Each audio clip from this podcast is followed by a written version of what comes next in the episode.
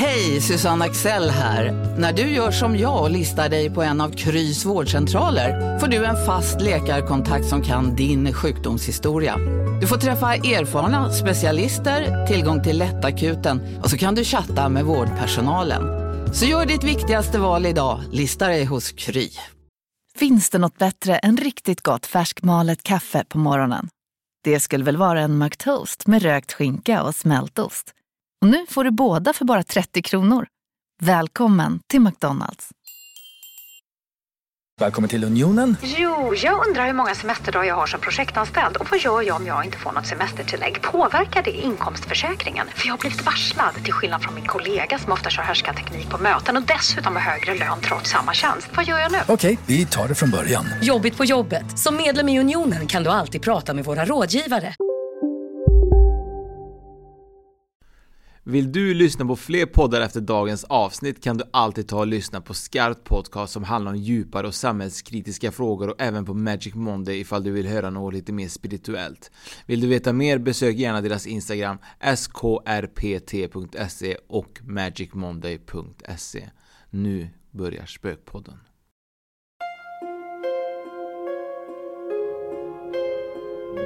Ja, då var vi här igen Oskar. Då var vi här igen. Det är kul ju. Alltid ja, kul. Det är alltid tro eh, troligt att träffas. Troligt att träffas. Eh, vi har ju med oss faktiskt en gäst idag innan eh, vi kommer in på honom så är det så att han är ju mer eller mindre en granne till dig.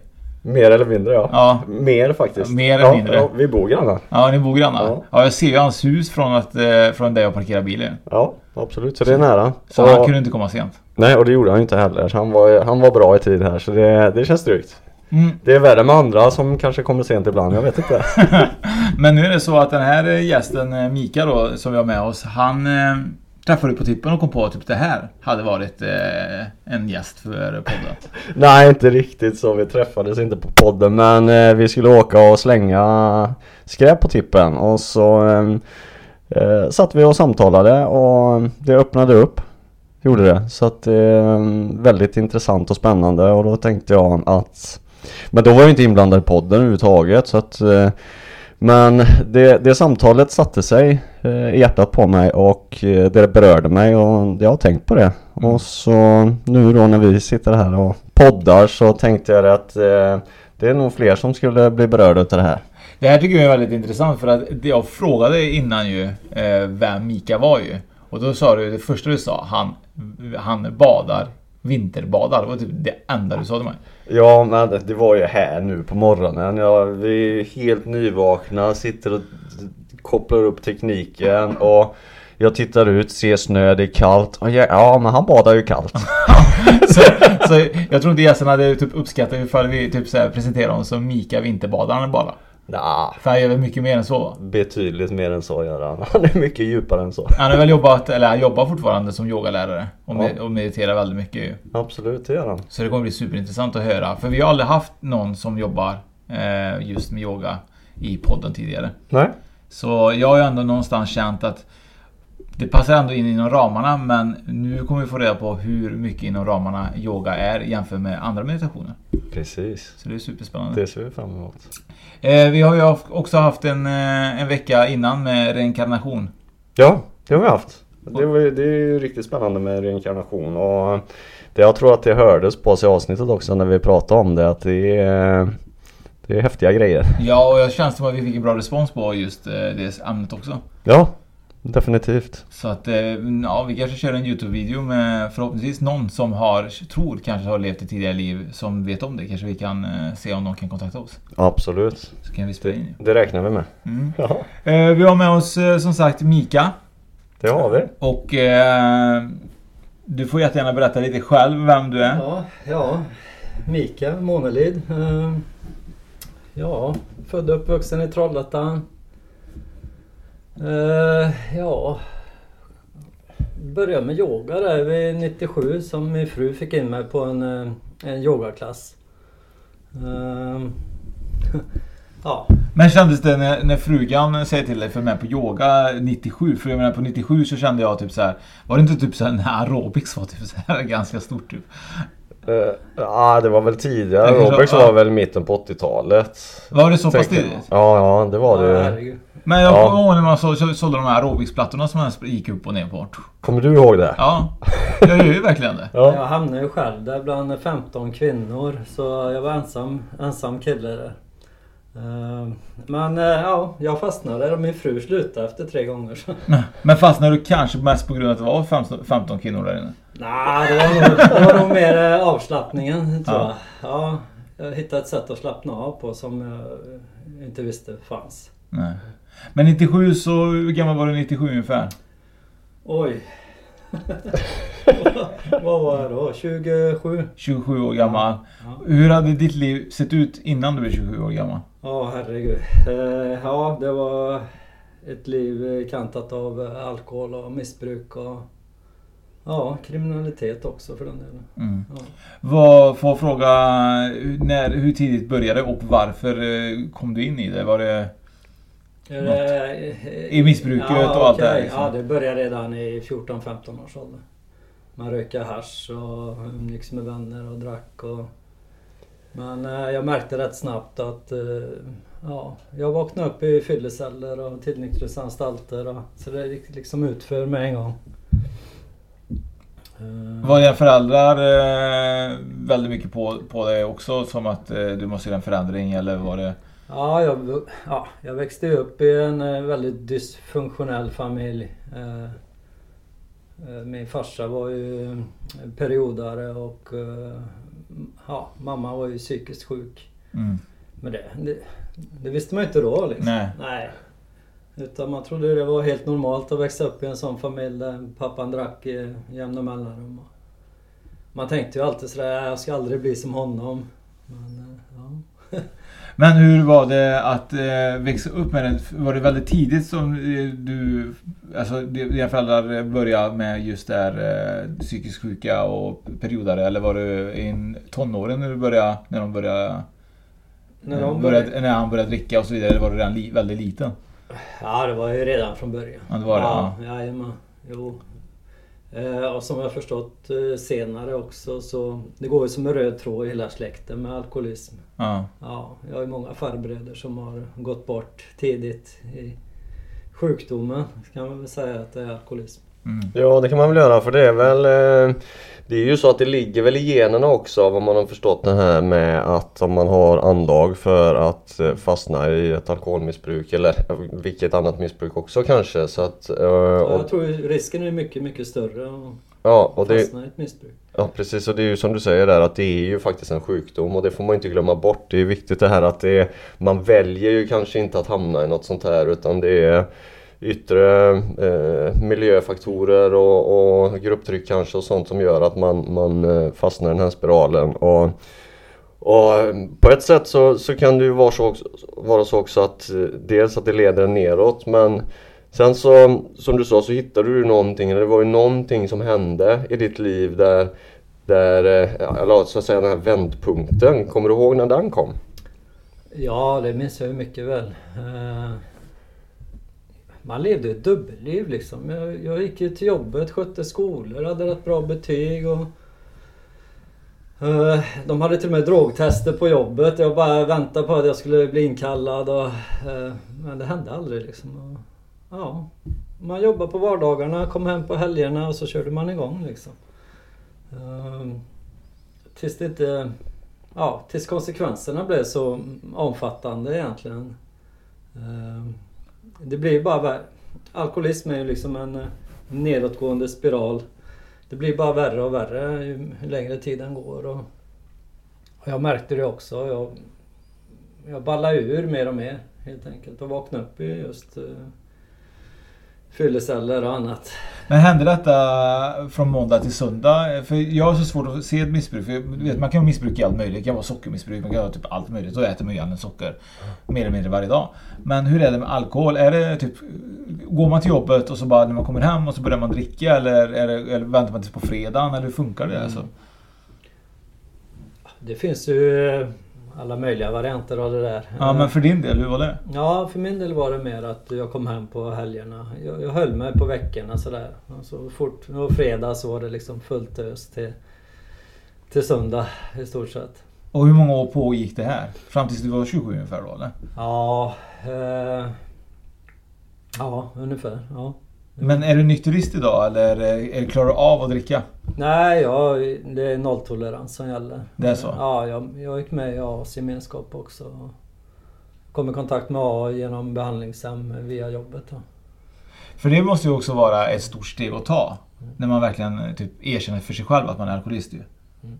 Ja, ja herregud. Så, ja, det gick ju så långt tills uh, 98 då. Jag hade liksom provat många olika metoder till att nyktra till. Äta kampral och gå på samtal och... Men jag kände någonstans att det, det sista anhalten det var ju behandlingshem och, och dit ville man absolut inte. Så... Men men, jag kom till den punkten där... Nej, nu är jag tvungen att... Ja, så jag la korten på bordet på, hos eh, företagsläkaren. Och tre dagar efter så var jag på behandling. Liksom. Var företaget bra med, eh, med detta när du, kom, när du la upp korten? Ja, ja, riktigt bra. Herregud. De hade jättestor förståelse för det och väldigt kunnig ja, personal som hjälpte mig.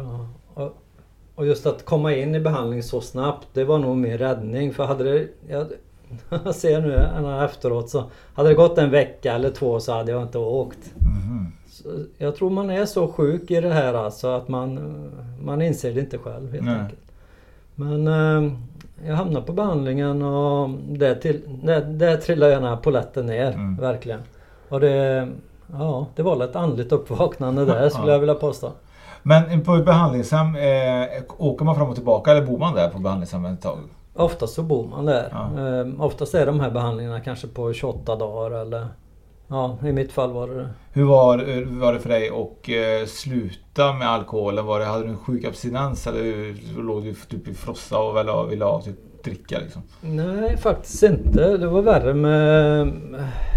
Jag lyckades, lyck, ja, lyckades med hjälp av eh, min fru också självmant eh, sluta med drogerna några år innan mm. då. Så då visste jag att det var liksom alkoholen som var grundproblematiken. Jag började alltid dricka, sen gick jag på drogerna liksom. Är det lite grann, tror du lite Fredrik, att... Eh, att man går från eh, ett missbruk till ett annat eh, oftast för att man... Det är som lite grann när du röker och så bara, nej men jag ska sluta röka så börjar man snusa istället. Eh, ja, det kan vara så. Eh, det, jag tror kanske att ett eh, missbruk kanske finns där för att fylla ett tomrum på något vis som man inte vet vad man ska göra av. Och sen när man, när man eh, eh kommer ur sitt missbruk då har man ju hux flux kanske ja, inom citationstecken har massa tid över och, och man har mycket tankar och, och sådana saker hos sig. Och då, är, då gäller det att hitta någonting att fylla upp det tomrummet med. Och om man väljer att kalla det för ett nytt missbruk eller det, det, kanske är fel att göra det för att jag tänker att om man hittar det med ett eh, intresse eller en hobby som gör att man fyller upp det och, och kan mm. man missbruka en hobby? Nah, jag, jag tror inte att man kan göra det kanske men för, för ett missbruk för mig är ju eh, det är ju en negativ klang i det och fyller man det tomrummet med till exempel, och som i Mikas fall gissar jag då yoga kanske. Mm. Eh, man missbrukar kanske inte yoga utan det blir ju att, att man fyller... Ja det går att missbruka det. ja, jo, jo men, naturligtvis men, men ja. eh, förstå mig rätt jag, jag, jag, tror ändå att något positivt Det är klart man kan missbruka allting i världen, så är det ju. Men... Eh... Men jag förstår du menar, ordet missbruk har ju sämre klang än kanske att man utövar det frekvent till exempel då. Men många ja. kan ju missbruka träning till exempel. Ja, ja, det kan ju bli för mycket utav ja. allt såklart. Det gäller att hitta en balans i, i saker och ting, så är det ju. Mm. Nej men där kommer ju yogan in eh, samtidigt. Eh, jag, hade, ja, jag hade precis börjat med yogan när jag åkte in på behandlingen i och för sig. Och på behandlingshemmet så använder de eh, en del yogiska tekniker också med avslappningsövningar, meditationer på morgonen och ja, så, så, så det fanns det redan. Eh, men, men när, när du började då så gick du från, när slutade du med behandlingshemmet? Det, där var jag ju färdig då på hösten 98. 98 och ja. du hade gått till eh, yoga 97. Ja. Då hade du redan eh, då ändå gått dit. Det var ju ganska starkt tyckte jag då. Ja, jag tror yogan hjälpte mig någonstans att ändå komma till insikt om att jag hade problem. Eh, ja. Mm. Man, ofta så vet ju när man missbrukar någonting, man vet själv. Men ändå vill man inte inse det. Och, Men jag tror yogan hjälpte mig att liksom, ja, komma till rätt beslut. Och... Och vad, eh, vi pratade med Fredrik och lite innan, du, eh, innan vi går in på yogan, hur den hjälpte dig. Men du har också varit eh, ute och rest och levt med yogalägare eller munkar, jag vet inte vad riktigt vad det var. Du får gärna berätta och, ja, ja. om det också. Ja, ja, herregud. Uh, det var ju på samma resa där, så det började där med, med yogautövandet. Att uh, det blev mer och mer. Man gick kurs efter kurs. Först kanske en till två gånger i veckan och, så höll det på i, i några år faktiskt. Tills jag träffade en jättebra yogalärare som sa till mig Ja Mika nu får du gå och köpa en yogamatta och börja yoga varje dag. Liksom. Jag bara va? Ska man yoga varje dag? eh, ja, ja, så sagt och gjort. Så jag köpte mig matta och, och började yoga mycket mer. Och, och vips så drog han med mig på en lärarutbildning i Göteborg i kundalini-yoga. 2002. Vad heter det sa du? Kundalini-yoga. Är det en annorlunda yoga än, den vanliga yogan eller är det den grundyogan? Det är en traditionell hatta-yoga-form eh, som är väldigt eh, kraftfull. Eh, och det här var den första utbildningen i Göteborg den startade upp 2002. Så Ja, vips så hamnar man på yogalärarutbildning och jag hade inte en tanke på att börja undervisa. Eh, men eh, ja, bitarna började gärna falla på plats och den läraren jag gick eh, och yoga hos i Trollhättan, Ann Lundberg, hon ja, hon blev gravid. och frågade mig då, kan du ta över mina klasser? Och jag bara, jag, jag bara stod där, men herregud, det, det här fixar jag aldrig liksom. men eh, ja, i, i den vevan hade jag börjat då med kundaliniyogan också så ja, då började jag undervisa helt plötsligt också.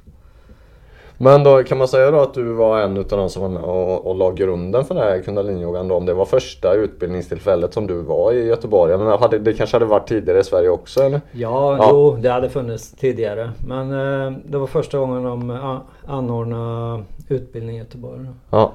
Men vad kommer yoga? Alltså, kan du någonting alltså, Jag gissar att du har gjort det, men vad är grunden? Eller vad kommer yogan ifrån eh, från grunden? Liksom? Ja, det är ju ursprungligen från Indien. Det är det, det, det Eh, det vet ju de flesta så att säga men eh, eh, det många inte tänker på är faktiskt att yogan utvandrar från Indien på ja, 60-70-talet blev det ju stort att de stora yogalärarna åkte över till over there liksom, ja, till USA och skulle sprida sin kunskap och, och det gjorde de ju också. Men att yogan sen ja, den blir jättepopulär i västvärlden. Så. Men egentligen är den nästan större i västvärlden än vad den är i Indien. Okej. Okay. Ja. Men, men till exempel, vad är, första, vad är det första man lär sig när man går på yoga? Vad är det, typ så här, vad är man lär ut till en okunnig person? Liksom? Vad är det första man ska göra? Är det andning eller? Ja, det är andning och avslappning. Det, det är liksom nyckeln. Ja. Men sen kommer du till de här konstiga grejerna när folk står på fingrar och grejer. Vad, vad handlar det om? ja det kan man undra. Och det jag skulle också vilja veta vad, vad är, finns det något Ja det är klart att det finns ett syfte med yoga men vad, är målet med yoga? Vet man det? Eller vad, vad är ditt mål med att utöva yoga? Vart, vart, för det är ju säkert en resa och man, man bygger på och man blir duktigare och duktigare på yoga. Målet och... är ju nå eh, insikt eh, om sig själv egentligen. Ja. Det, det är liksom slutmålet. Eller... Så det handlar om att hitta sin egen väg på något vis och ja, bli till, tillfreds får... med sig själv på något vis? Ja, då. att man får ett andligt uppvaknande eller men hur gör man det då? Eller vad är grejen med det? Jag menar, typ så här, är det på grund av att när du mediterar så händer någonting? Att du börjar liksom se ditt inre jag? Eller vad, vad är grejen? Hur funkar det? Jag tror man blir mer bättre på... Det är också det här meditation. Vad är meditation? Det, det... Egentligen är det koncentration. Mm. Eh, enligt yogafilosofin är att man koncentrerar sig eh, intensivt på någonting och, och, och då släpper du allting mm. runt omkring och då går du in i ett meditativt tillstånd mer. Uh, och det tror jag många upplever, idrottare också, ute och springer, att man är inne i det här du är bara inne i andningen helt plötsligt Ja. och, och då släpper allting annat. Man, är inne, man kommer in i ett flow ja, Ja. precis. Man tänker inte utan man, man bara gör och man, man tid, det är nästan så att tiden står stilla. Det var lite eh, kul att du sa löpning där för jag, jag älskar ju att springa och jag har ju varit med om det många gånger att eh, speciellt eh, för min del om jag springer när det är mörkt och man har pannlampa på sig. Man, man ser bara ljusstrålen framför sig och vägen framför sig och rätt som det är så har man sprungit kanske 40, 45, 50 minuter och det har gått av sig själv. Man är, man är egentligen, man, klart att man är medveten men det är som tid och rum bara försvinner på något vis och, och tankar försvinner och Ja, det är svårt att förklara. Jag kan tänka mig att det kanske är samma, på något vis samma upplevelse i yoga kanske, jag vet inte. Jag tycker det svåra är ju att man, eh, det, det där att oftast när du är ute och joggar så blir det att man rensar tankar ju. Ja, ja för, för mig blir det Ja. det. Men sen måste du väl komma till en punkt där du inte rensar någonting? Är du med? Typ att du, säger, bara- det bara, det bara är. Ja. Då blir det väl säkert inga tankar? Eller? Nej, nej, för de har ju rensat Ja, nej, det. men, eller? nej, och jag tänker typ så här, för jag är ju typ en människa som tänker på så mycket tankar så jag känner mig aldrig avslappnad. Nej. Så att jag tror att det är väldigt viktigt att i meditation så måste det bli att man kommer till en punkt där man släpper typ din befintliga liv. Tankarna finns ju alltid i sinnet liksom. De finns alltid. Ja, det är ju det de brukar... Det traditionella, man pratar om tankar som en apa som hoppar från gren till gren. Det är den här klassiska beskrivningen. Att vi hela tiden går från en tanke till en annan till en tredje. Och målet med meditationen är ju egentligen att eh, stilla den här tankeverksamheten. Jag tror inte vi blir av med den helt. Utan vi kanske kan hitta den här lilla pausen emellan tankarna och så förlänger vi den lite grann. Ja, just det. Och ju mer vi övar på det så kanske vi får ett längre och längre... Tankespann. Ja, precis. ja. Men du tror inte det går alltså? Du tror inte det går alls eh, egentligen att kanske stilla helt och hållet liksom dina tankar och bara vara helt blankt i huvudet i under en längre period? Jag tror inte, jag skulle aldrig klara det till exempel, men jag funderar på folk som har utövat en sak i så många år. Går det liksom? Ja. Nej, jag tror inte det är målet heller. Jag menar, då skulle vi gå runt som någon slags zombie kanske. Ja, men jag menar att mest när du ligger i din meditation, Ja, när, ja. när du gör din, eh, din Ja. yogautövning. Ja, men det tror jag att eh, ju mer vi övar på det ju lättare blir det att meditera också. Har vi då ett ställe hemma där vi mediterar dagligen på så räcker det oftast med att man sätter sig på det stället så kommer vi mycket snabbare in i meditation och ja, men kan du meditera även om det är brusigt runt omkring? Eller måste det vara knäpptyst? Jag tycker det är jättebra tillfälle att öva på meditation då när det är eh, livligt runt omkring. Eh, sitter på bussen eller på flygplan.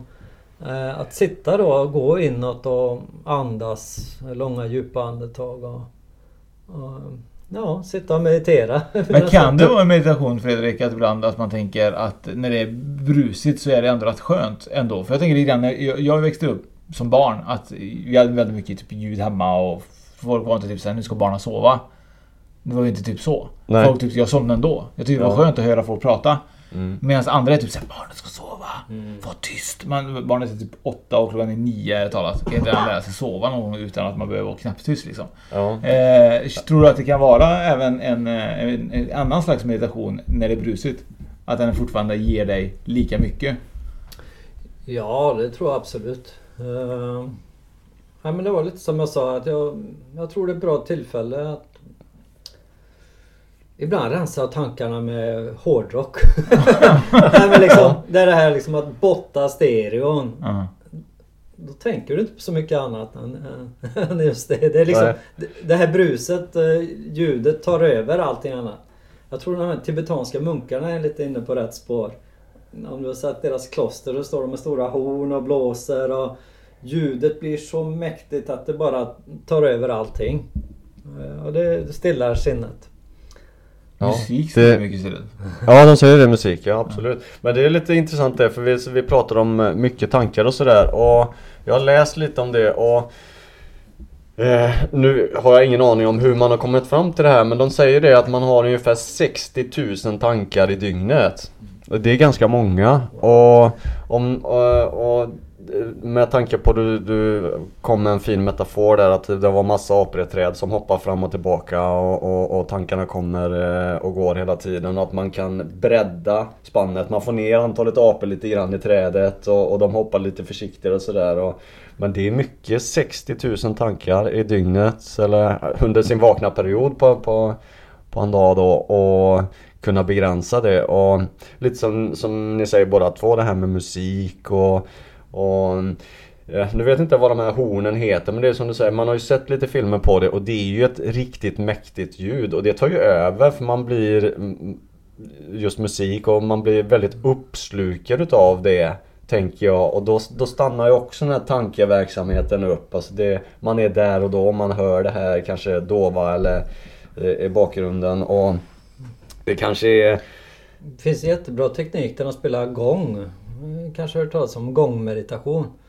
Då, då står de och slår på den här gången alltså. Mm. Och det blir så mäktigt ljud att det verkligen tar över allting.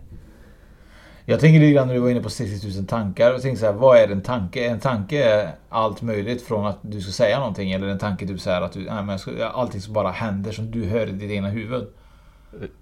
Ja men allt du hör i ditt egna huvud borde ju vara tankar. För mig ja. är det det. Ja men en tanke är att till exempel jag ska röra min arm. Det är en tanke, nej. Ja, om du tänker på det. Ja. Så men, är, inte, det... men ofta så kan man ju tänka saker utan att veta att man tänker det. Är du med? Ja, ja, ja. Jo, men det handlar väl om både medvetna och omedvetna ja. tankar, mm. tänker jag kanske. Ja, ja lite så. Det, det framgick inte utav uh, den studien där. Jag vet inte riktigt hur man har kommit fram till det heller. Man har ju förmodligen satt uh, sån här Eh, och mätt... Ja, elektroner, eh, ja, elektrogrej på huvudet liksom. Exakt. För, för det är ju, man kan ju mäta tankar. Och, mm. och sen det vet man ju att hjärnverksamheten går att mäta. Det är ju energier och allting. Mm. Så att eh, på något vis har man väl kunnat se de här... Men vi pratar om tankar och tankens kraft då. Mm. Hur har det hjälpt dig? Oj. Uh, ja, jag vet inte om jag har funderat så mycket på det men jag vet att när jag gick lärarutbildningen så då fick man ju sån enorm kraft och energi av alla dessa yogautövningar. Och, och, och vips så hamnade jag på nästa utbildning i USA. Ja. ja. det var ju på eh, ett ashram. Eh, där det är bara munkar som jobbar. Men vad är ett ashram rent är det ett, är det ett kloster eller? Man kan säga att det är ett kloster ungefär. Ja. Mm. Eh, det här var ett Shivananda yoga ashram. Eh, det är en traditionell eh, hatta yoga form. I USA? Som ja. du var på? Ja, det var i New York. Upstate New York. Catskill Mountains tror jag det heter området där. Ja, det, var, det var väldigt nytt för mig. Först liksom hamna på yogacentret i Manhattan och från ett center där. Och därifrån åkte vi buss upp till, eh, till ashramet då. Och det var liksom två och en halv timme rätt norröver.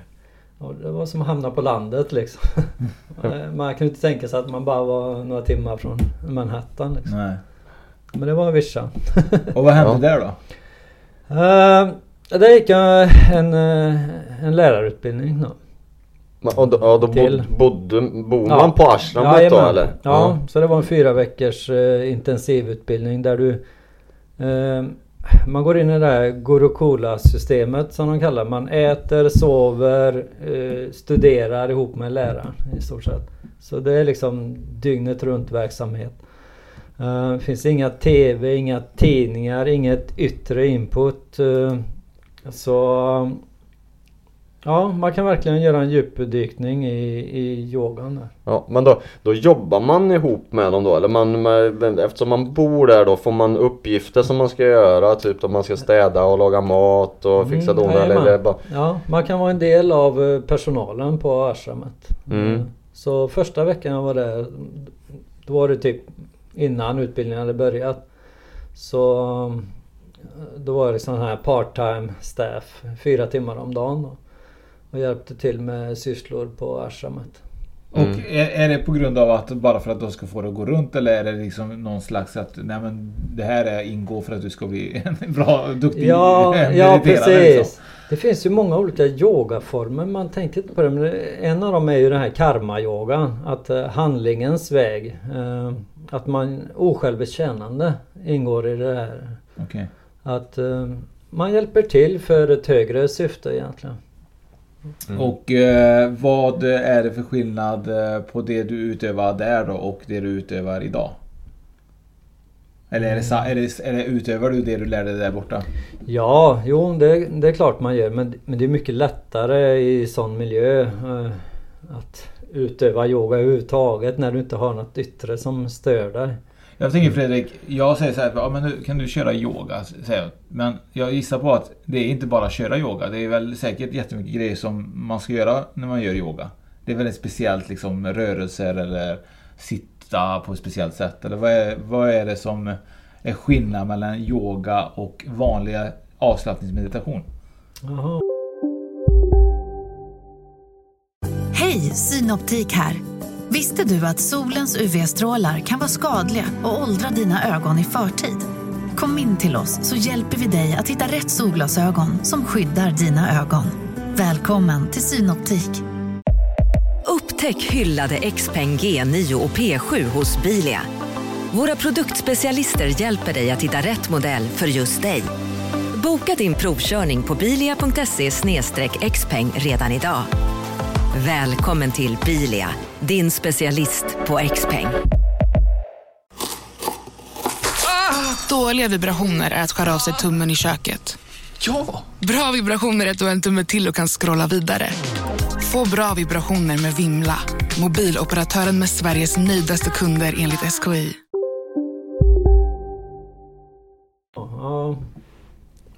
Just de här...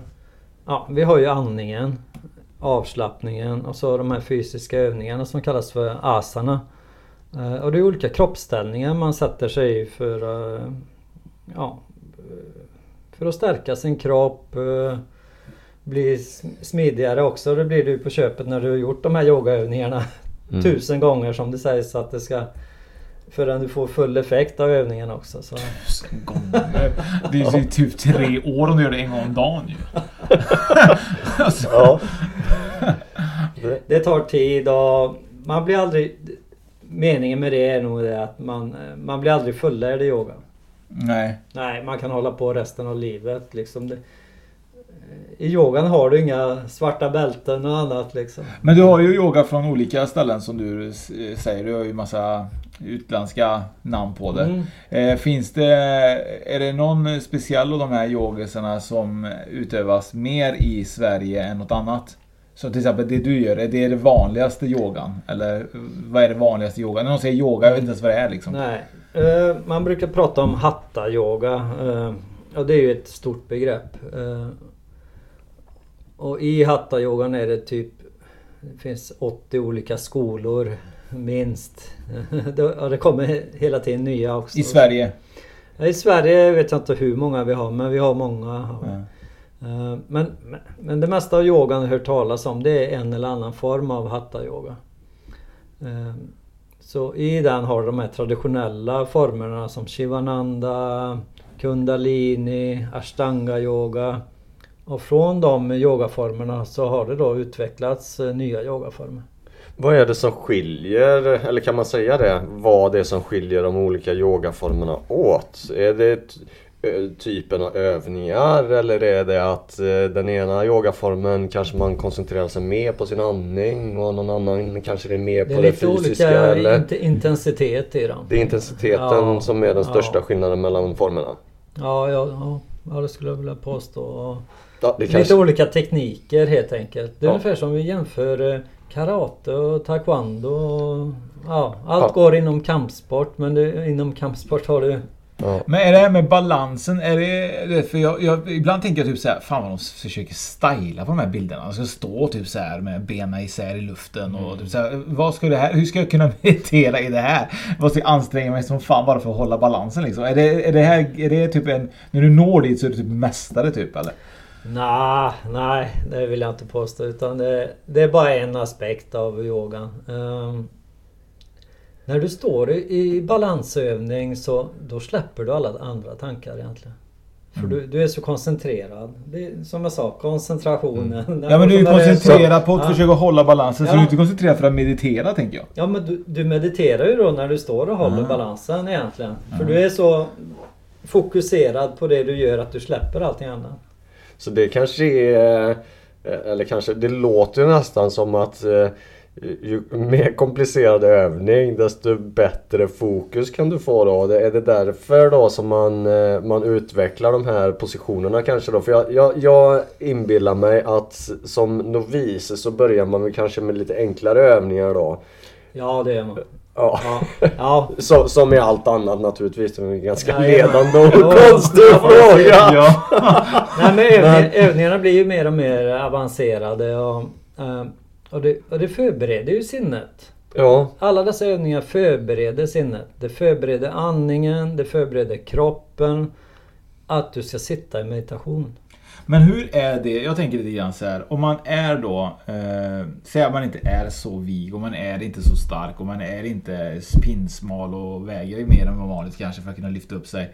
Och, och så tänker jag typ så här. Skulle du då kunna säga till mig att ja, men du mediterar och med andning och så vidare och sen om typ ett år så kan du stå på fingrarna och stå på händer i två minuter liksom? Eller är, du med? Jag tänker, eller måste man träna styrketräning samtidigt? Ja, det tycker jag är en rätt bra komplement faktiskt. Eh, många tror ju att man bara ska vara vig i yoga, att man måste vara vig från början. Men eh, jag, jag var inte speciellt, eller ja, ja. Kan du, kan du gå ner i spagat nu? då? Ja, jo, jo. Det, Du kan det? Ja, det funkar. Men, eh, men det är inte slutmålet. Eh, vad ska man säga? Jag, jag tränar både yoga och styrketräning för man behöver mycket styrka i yogaställningarna också. Och, och det tror jag inte heller alla vet om att, att det krävs mycket styrka också. Men om vi går tillbaka till... har, har du bara vigheten Ja. då, då går du sönder till slut. Ja. Det kan jag tänka mig. Om man ska gå ner i spagat Ja. varje dag. Men, men om vi går tillbaka till just det som är ditt, för, eh, ditt förra liv om man säger så då, med ditt missbruk och din yoga. Eh, om du inte hade haft yogan, tror du att det hade sett annorlunda ut? Mm, ja, ja, svårt att säga. Svårt att säga nu när det har gått hand i hand men jag kan ju bara säga att yogan har varit ett stort eh, hjälpsamt verktyg i att hitta ett nyktert eh, levnadssätt. Mm. För det var lite det mm, vi var inne på här tidigare också att eh, man måste fylla det här tomrummet från missbruket med, med någonting annat positivt. Men växte du upp som människa ännu mer när du åkte till den här eh, ash ashram eh, där borta och såg hur de här munkarna levde? Kunde du någonstans typ så här, vilken dålig människa jag egentligen är och varit? Det här, eh, det här är en riktig man liksom. Som, eller, jag vet inte om de är kvinnor också där borta men det tror jag väl inte. Munkar. Nej, jag tror jag mer hitta den här inre styrkan. Ja. Ännu mer. Att utveckla mig själv mer. Missbruket har ju tagit över mitt liv helt full, fullständigt. Det, det är ju det det gör. Det, det var inget annat som existerade på helgerna än just festa. Och, ehm, så det, det fyllde ju upp så mycket av mitt liv. Och när det försvann så ja, det blir ett tomrum, ett vakuum som, som man måste fylla upp. Och det gjorde jag med träning, yoga, avslappning och ja, Det måste vara svårt tycker jag du vet, i, om man tänker att man ska fylla ett tomrum. Som man förmodligen har. Man har ett missbruk. Man går utifrån missbruket, man börjar meditera. I de tankarna så har jag ju börjat tänka på ännu mer alkohol. Och mer droger. Vad fan vad gött det hade varit med lite, med lite glas whisky nu. Ja fast jag tror, där, där handlar det då kanske då, för om, om, om du säger att du hade gjort det, då är inte du beredd att lämna missbruket bakom dig. Nej, nej, det är det eh, och då är du inte intresserad av att fylla upp det tomrummet med någonting annat. Jag tror det är viktigt, lite som, som Mika sa där, att man måste inse att jag har ett problem. Mm. Och när man har, när man, när man har börjat förstå att, att det här, ja, man förstår hela tiden att det här inte är bra för en men man, man skjuter bort de tankarna. Men när man väl hamnar där och som Mika sa där att han var inne på tre dagar. Hade det gått längre då hade han nog skitit i det. Och det tror jag också är nyckeln till att när man ber om hjälp för sådana här saker så, så är det superviktigt att man har ett, ett nätverk runt omkring sig som tar tag i det med en gång. För tror jag i alla fall att för annars så går tiden eh, vidare sen. Mm. Ja, precis. Eh, och det är ju lite att du måste gå till handling efter det. Som jag sa, fylla det här tomrummet. Och, eh, på behandlingshemmet så besökte vi AA-möten. Och, ja, det var ju ett 12-stegsprogram det här eh, behandlingen jag var på. Och det är ju AAs 12 steg det bygger på hela behandlingen och det, på behandlingshemmet så gör man liksom de första stegen. Att man kommer till insikt om att man är alkohol, alkoholism. Är det första Eller steget? Alkoholist. Ja. Det är första steget? Jajamän, att Ja. du erkänner det. Mm. Att du är alkoholist. Eh, för dig själv och din omgivning liksom. Eh, så när jag kom ut därifrån då fortsatte jag gå på A-möten och gör det än idag. Så Är det typ som man ser i filmer att det sitter folk vid- typ på stolar och... Ja, vi, precis som vi sitter här nu nästan. och, så, och så den som har ordet har ordet då. Och så kan man berätta om vad man vill. Får jag fråga, eh, typ, vad pratar man om? För det har jag alltid undrat. Man har kommit så pass långt att man har lämnat missbruket. Vad pratar man om då? Om och om igen? Det är som om vi skulle sitta här varje vecka och prata om typ Ja. samma sak. Ja, nej, men oftast är det att man påminner sig själv om hur det var Eh, ja, och var man står idag egentligen. Eh, just det här att man eh, Det händer något magiskt när du, när du delar med dig av dina innersta tankar och känslor kring missbruket och, och, vad det, och de konsekvenserna som har blivit av missbruket. Oftast så har du skadat mycket människor runt omkring dig. Och i A-programmet så är, finns det det att du ska be om förlåtelse och, och liksom rätta till de här misstagen du har gjort eh, under resans gång egentligen. Och det, det, det jag menar, därifrån går man till handling. Och, och då fyller du upp eh, din vardag lite grann och Men får du gå tillbaka till de personer som du anser ha sårat och, och be om förlåtelse? Eller bara ber du förlåtelse till A-gruppen liksom så här? Förlåt Anna. Och så sitter Kalle där liksom så här. Det för ditt själv inre då? Både och. Ja. Både och. Eh, I vissa fall så kanske det, det kanske skadar ännu mer att besöka upp personen i fråga. Men ofta så släpper ju mycket att du, att du själv eh, börjar förlåta ja, öppet och kanske dela med dig av dina innersta tankar och känslor till andra människor i samma sits. Ja, det är det A-mötet är lite att i, i det, när du hjälper dig själv så hjälper du då andra också med att du delar med dig av ditt inre. Är det svårare att dela med sig av sitt inre tror du för de andra som kanske inte utövar det här som du gör? Tror du det kan vara lättare att eh, hitta sitt inre liksom själv och kunna prata ut om saker på grund av att du har funnit ett Ja, det, djupare... jaha, jajamän. Det tror jag. Ja. Jag tror där har yogan verkligen hjälpt till att eh, hitta någon slags grundtrygghet i, i sig själv och kunna dela med sig av eh, vad som har hänt Mm. egentligen. Jag har ju varit på Via AA har jag ju varit på fängelset här borta också och delat med mig av, mina erfarenheter då. Ja. Ja. Lite så, som en eh, slags, vet du det? En... eh, Ja, jag gick dit och... och Förelä- ingen jag- föreläsning, mer ja, typ ja, så- ja, ja. Jag, jag drog min life story där Ja. lite berätta Ja, hur min resa har varit i, i det här då. Så, Vad fick du för respons där då när du gjorde ja, det? det var jättebra respons Ja. faktiskt. Det var många, många som kände igen sig i, i min life story.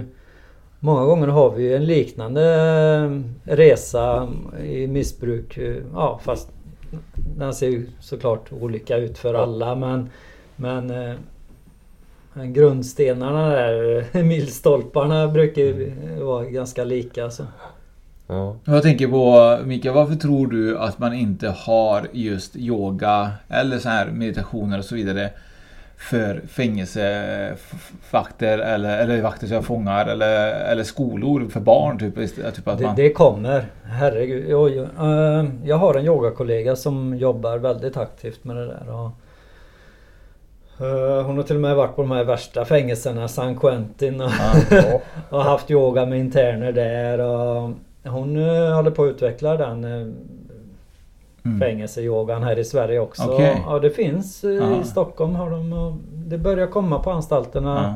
Ja. Där de lär ut, eh, vad heter de? Ja.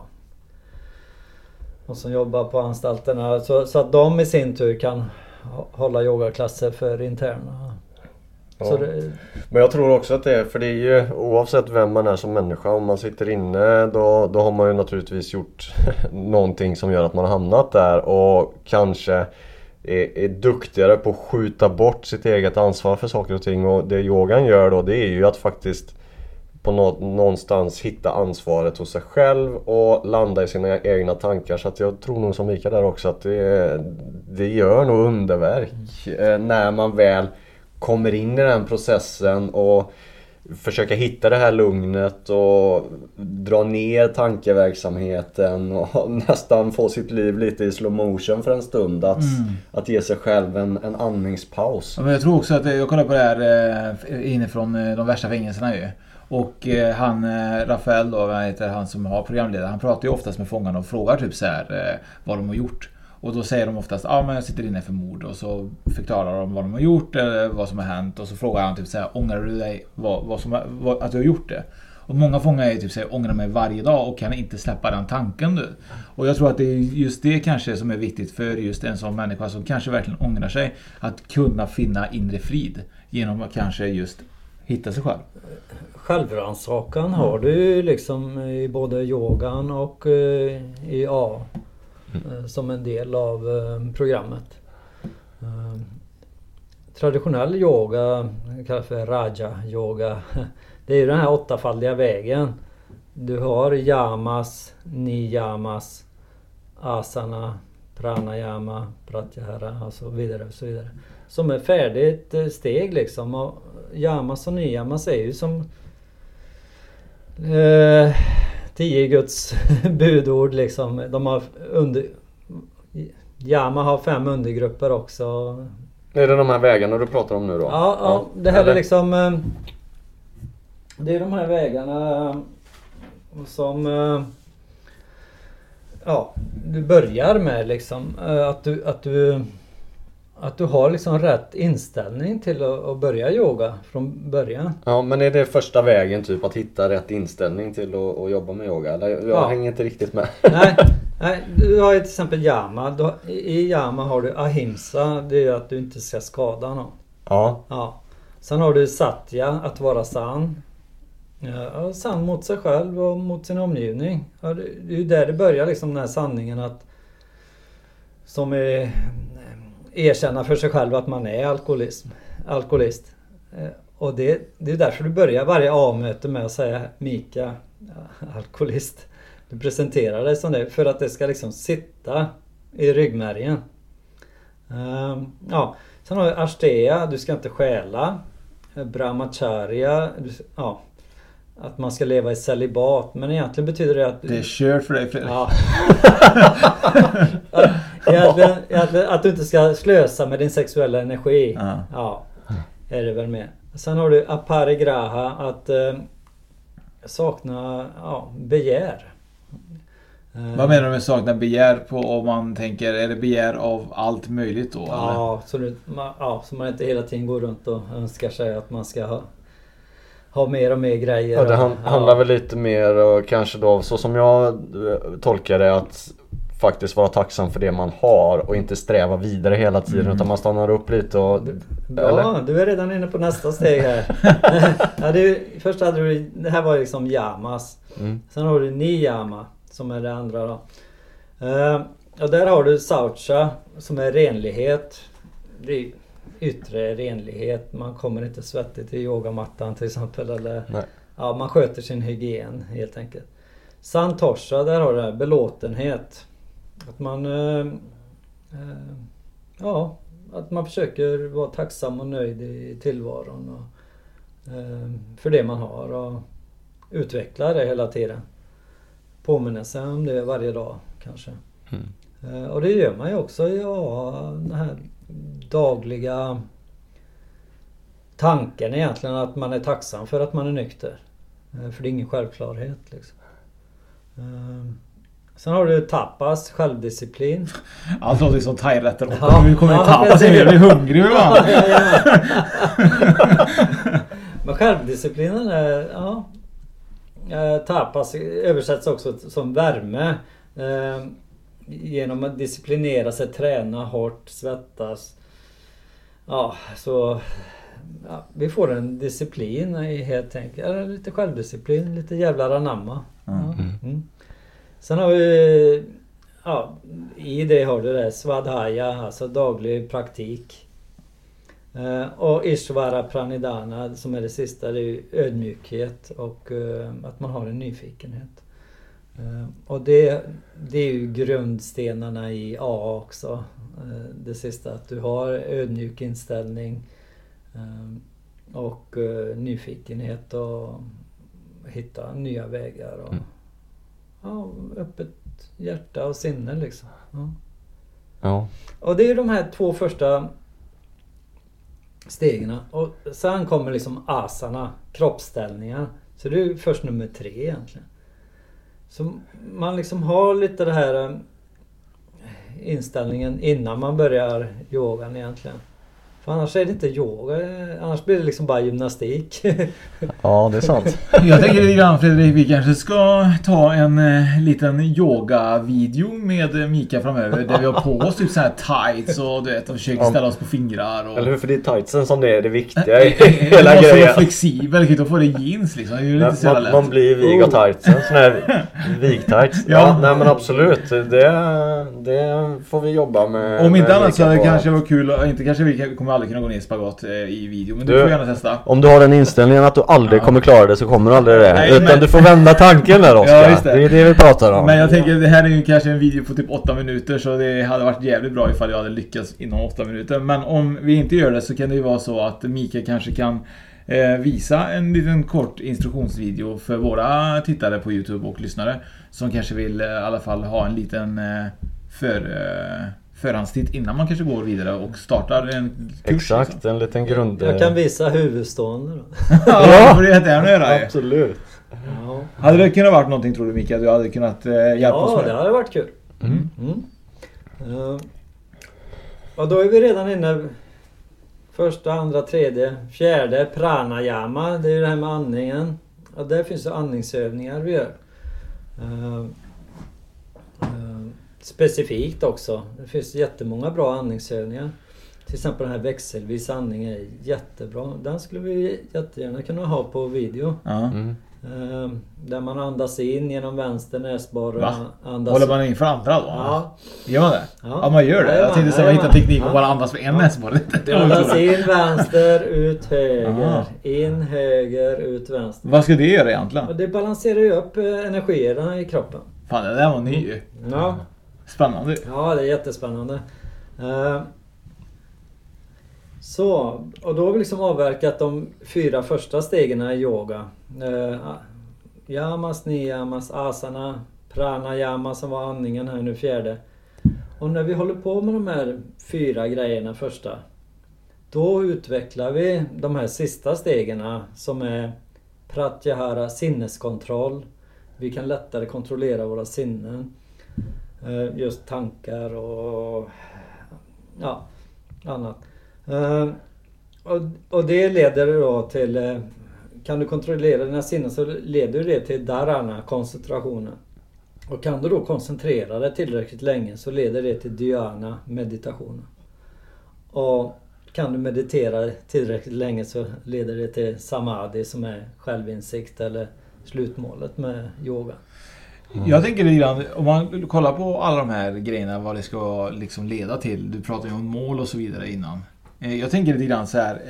eh, eh, Finns det, är det här egentligen grunden ifrån någon religion? För det känns nästan som att det är någon så här religionskoppling i det här. Yoga är ju helt fritt från religion. Snarare så kan man säga att övar du yoga så tror jag du blir bättre på din, på din tro. Men jag tänker lite Oavsett grann, vad du tror på. jag tänker lite grann så här att det känns ju lite grann som det kommer från buddhismen.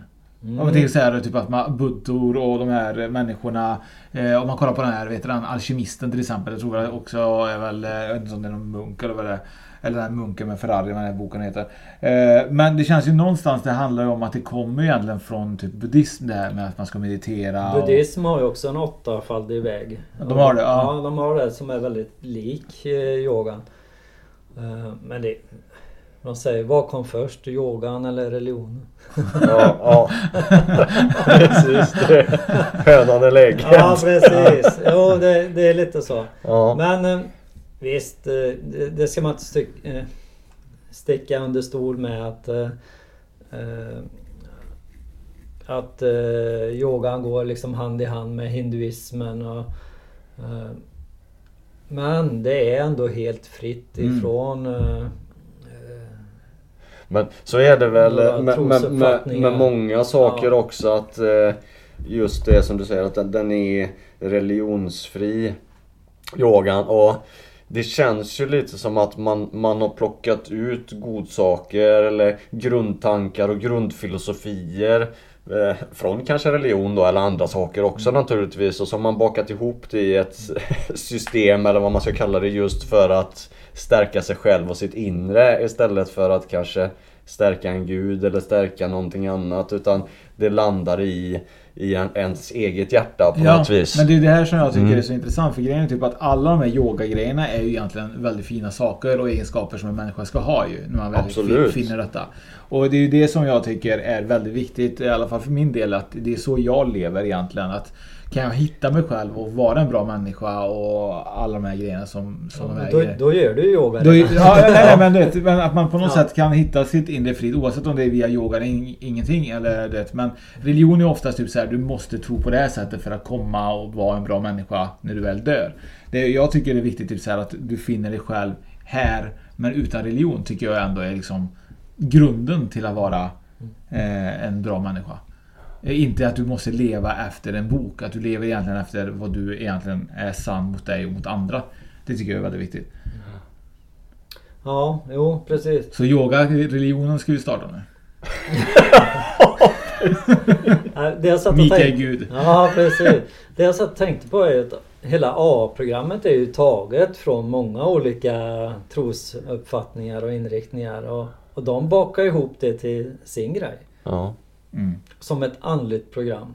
Vi har varit inne som på- är fritt från religion. Vi har ju pratat om Spökpodden eh, ska ju bli en eh, religionssekt ju. En sån här, har vi pratat om. Så vi kanske ju tar lite grejer härifrån. Det låter ju ändå okej, eller Fredrik? Det här ja, det här är, jag tycker det här är superintressant och jag har eh, Jag har ju varit, jag jobbar ju som instruktör också, jag har hållit på med träning i, i större delen av mitt liv och jag har varit på ett par eh, Yoga-inspirerade gruppträningspass Och där eh, där, där handlar det ju kanske inte så mycket om att, att finna sig eh, Alltså hitta sig själv på det viset. Inte för mig i alla fall för då, jag hade ju fullt sjå med de här övningarna. Så att det, det var ju det, det var mycket skratt och, och sådana saker för mig själv. Så att det där, där, hade, där hade jag väldigt svårt att komma ner. Men det, det är klart, det, det gäller ju att börja på rätt ställe. Eh, Börja med celibat, det är det du ska börja med. Ehm, nästa fråga. Vi, stryker. Men den är väl inte, den kan måste vara Men det är jätteroligt, jätteroligt. Alla hakar upp sig just på den. den Ja men det är bara för jag tror grejen. att alla säger typ att Brahmacharya, där hakar alla upp sig. Ja men jag tror att det är på grund av att många snackar ju om att det är så viktigt att ha liksom bra sexrelation i sina förhållanden för att det ska fungera. Jättebra, Och så jättebra. kommer man till den bilden nu bara, nej men vi ska leva i celibat. Och då klart, det är säkert lika vackert i det men frågan är hur mycket orkar man? Fast, fast jag, jag, jag la min kraft på det som Mikael sa efter det, det är att man ska inte slösa på sin sexuella energi. Ja, just Och- det, det sa och ha- Det- det- det du ska, Och- ska och där- ha ett förhållande, inte tio kanske. Precis, och sen så... Det blir, det blir, det blir tröttsamt. Ja. det, det, och då, då dränerar du dig själv och då kan du inte använda den energin till ett andligt uppvaknande för du, du har ingen energi kvar. Nej. Exakt. Nej så att eh, vi börjar där då. Att eh, vi slösar inte på vår sexuella energi nu Fredrik. Nej, Och och, det, där, där, där är det väl som med allt annat att man har olika mycket energi som man kan göra av på olika saker. Ja. Och det är det, det som eh, betyder någonting tänker jag. Jag tänker lite grann så här, för du kan väl gå innan vi, efter vi avslutar här så kan du väl följa med din granne och ta ett eh, isvattenbad. Det får bli ett Youtube-avsnitt. Ja men jag känner att jag har fått eh, väldigt mycket inblick, eh, mer än vad jag hade trott faktiskt inom eh, yoga. Ja, ja det är jätteintressant och just det att eh, som vi sa här att det influenser kommer från massa olika saker och, Och som Mikael berättade om de här eh, stegen genom AA som också påminner lite grann och, och det, det, är mycket som fläts ihop och knyts samman på något vis och det är ju fantastiskt fina tankar och, mm. och och, och grunden med det att man faktiskt ska komma ner och finna sig själv på något vis och hit, försöka hitta ett lugn och, och ta ansvar för sig själv och sina egna handlingar och hur man påverkar andra runt omkring sig. Så att, ja, det jag, jag tror mycket grundar ju sig i lugnet egentligen. Mm. Uh, vi lever i en sån stressad värld idag att uh, Ja, att vi mår dåligt över att våra tankar far omkring i, i saker och ting som vi inte kan, har någon kontroll över. Ja. Och hittar vi då ett inre lugn någonstans där vi kan landa i, i mellan varven så det hjälper oss att, i det här stressade samhället på något vis att hitta någon slags balans. Mm. Så nu när vi avrundar då så är det i alla fall någonting jag har lärt mig. Det är typ att alla de här namnen får mig att bli hungrig. Det är tapas och det är thailändska typ friterade kycklingar och grejer. Man blir så svinsugen på mat när man pratar med Mika. Så att det var nog sista gången vi tog in honom på morgonen. Det var så efter lunch då. Så jag vill bara tacka Mika för att du tog dig tiden att gå de här 50 metrarna. Ja, ja. Tack för att jag fick komma. Ja, tack ska du ha. Tack. Ja? Hallå? Pizzeria Grandiosa? Ä jag vill ha en Grandiosa capriciosa och en pepperoni. Haha, något mer? Mm, kaffefilter. Ja, Okej, okay. ses samma.